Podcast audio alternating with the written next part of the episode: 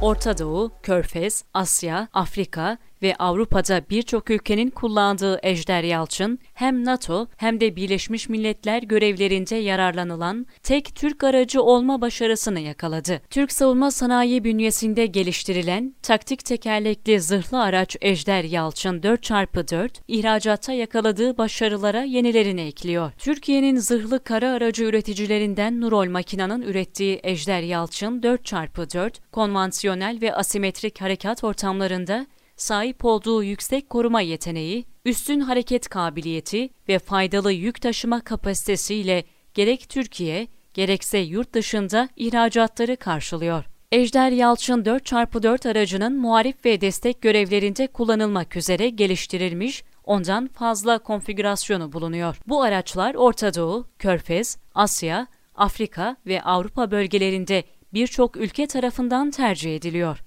Avrupa Birliği ve NATO üyesi olan Macaristan'ın envanterine 2020'de giren Ejder Yalçın 4x4 aracı, Türkiye dışında bir NATO ülkesi tarafından kullanılan ilk zırhlı araç oldu. Ejder Yalçın 4x4'ün NATO görevlerinde, teşkilat envanterinde bulunan ileri teknolojik altyapıya sahip araçlarla müşterek harekat ortamında görev yapacak olması, kalite ve güvenilirlik seviyesi bakımından yıllar içinde yapılan iyileştirmelerle gelinen noktayı gösteren somut bir unsur olarak dikkati çekiyor. Ejder Yalçın 4x4 ile çoklu görevler için sunulan farklı donanıma sahip araçlar, gerek Türkiye'de gerekse uluslararası asker kuvvetler ve güvenlik güçleri tarafından uzun süredir muharebe ortamında kullanılıyor. Kullanıcılardan gelen talepler doğrultusunda araç ailesine son olarak ambulans ve 120 mm havan aracı katıldı. Birleşmiş Milletler Barış Gücü Kuvvetleri'nde de kullanıcı sayısını artıran Ejder Yalçın 4x4,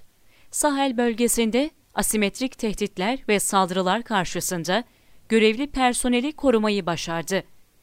Böylece Ejder Yalçın 4x4 hem NATO hem de Birleşmiş Milletler görevlerinde yararlanılan tek Türk aracı olma başarısını yakaladı. Kullanıcıların kendisine olan güvenini artıran Ejder Yalçın 4x4, bunun karşılığını artan taleple aldı. Nurol makina yine Birleşmiş Milletler Barış Gücü'nde kullanılmak üzere bu yıl yeni bir kullanıcıyla sözleşme imzaladı.